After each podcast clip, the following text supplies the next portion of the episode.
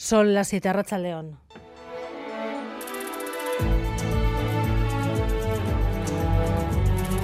Gambara con Arancha García.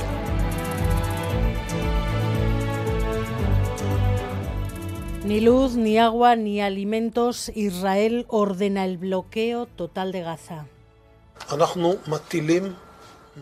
He ordenado un asedio total a la franja de Gaza. No habrá electricidad, ni alimentos, ni combustible. Todo será cortado. Estamos luchando contra animales y actuamos en consecuencia. Más de 700 muertos en Israel, decenas de secuestrados en paradero desconocido. Israel sigue reclutando reservistas y todavía combate a las milicias de Hamas en puntos del sur del país. El primer ministro Benjamín Netanyahu avisa que la operación contra Hamas cambiará Oriente Próximo y a la espera del próximo movimiento israelí, la población civil de Gaza. Casi 600 muertos hasta ahora la población totalmente aislada. Nosotros estamos como prisioneros en nuestras casas, no hay refugios. Como Israel ha cortado la luz, tenemos cuatro sí, 20 no. Tiendas, supermercados, eso no se puede uno jugar la vida y salir. Los hospitales están llenos, muertos y heridos están en el suelo. Las ambulancias no alcanzan a todos los heridos.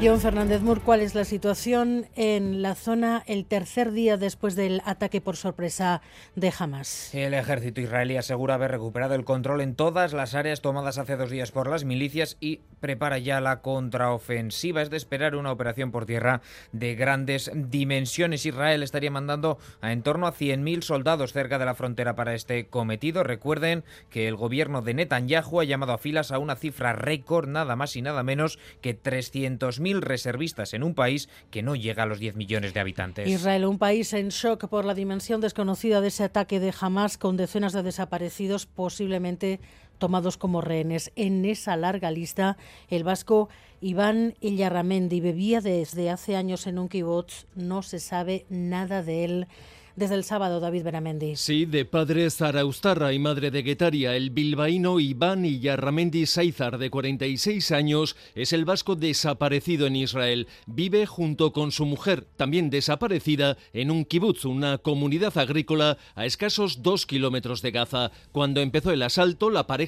llamó a unos allegados y se escondió rápidamente en una habitación de seguridad, pero para cuando llegó la policía, la casa estaba desierta, sin rastro de sangre, de sangre, con lo que la hipótesis principal apunta al secuestro. Tampoco se sabe nada de Maya Villalobo, una joven de 19 años con familia en Sevilla, tiene doble nacionalidad y está en Israel haciendo el servicio militar. Y la pregunta que lo sobrevuela todo desde el sábado, ¿cómo consiguió jamás burlar al Mossad y cómo ha podido pillar por sorpresa las defensas de uno de los países que pasa por ser uno de los más blindados del planeta? La explicación podría ser que recibió ayuda externa. Los analistas internacionales. Algunos gobiernos están fijando las sospechas sobre Irán basándose además en el momento elegido, justo cuando el acuerdo entre Israel y Arabia Saudí estaba a punto de cerrarse. Algo que podría llevarnos a otra pregunta. Si jamás ha tenido ayuda exterior, esto podría suponer la escalada a otros países. El miércoles se reúne la Liga Árabe.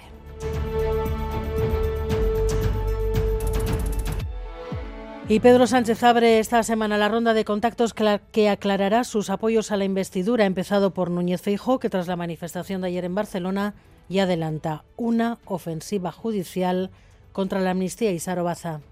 Sí, el encuentro ha durado algo más de una hora, sin embargo, no ha servido para acercar ninguna postura. El presidente en funciones ni siquiera ha pedido el apoyo de los populares para su investidura. Sánchez le ha pedido a Feijóo que respete el resultado electoral, también la Constitución, y en ese sentido ha recordado a los populares su obligación de renovar el CGPJ. A estas horas comparece aquí en el Congreso Alberto Núñez Feijóo. Le ha pedido a Sánchez que sea honesto, que no disfrace el pago que va a hacer al independentismo, que explique lo que está negociando y por ello le ha retado al presidente en funciones a convocar unas nuevas elecciones generales. 40 años de Confebasque, la patronal vasca lamenta el poco reconocimiento social al empresariado.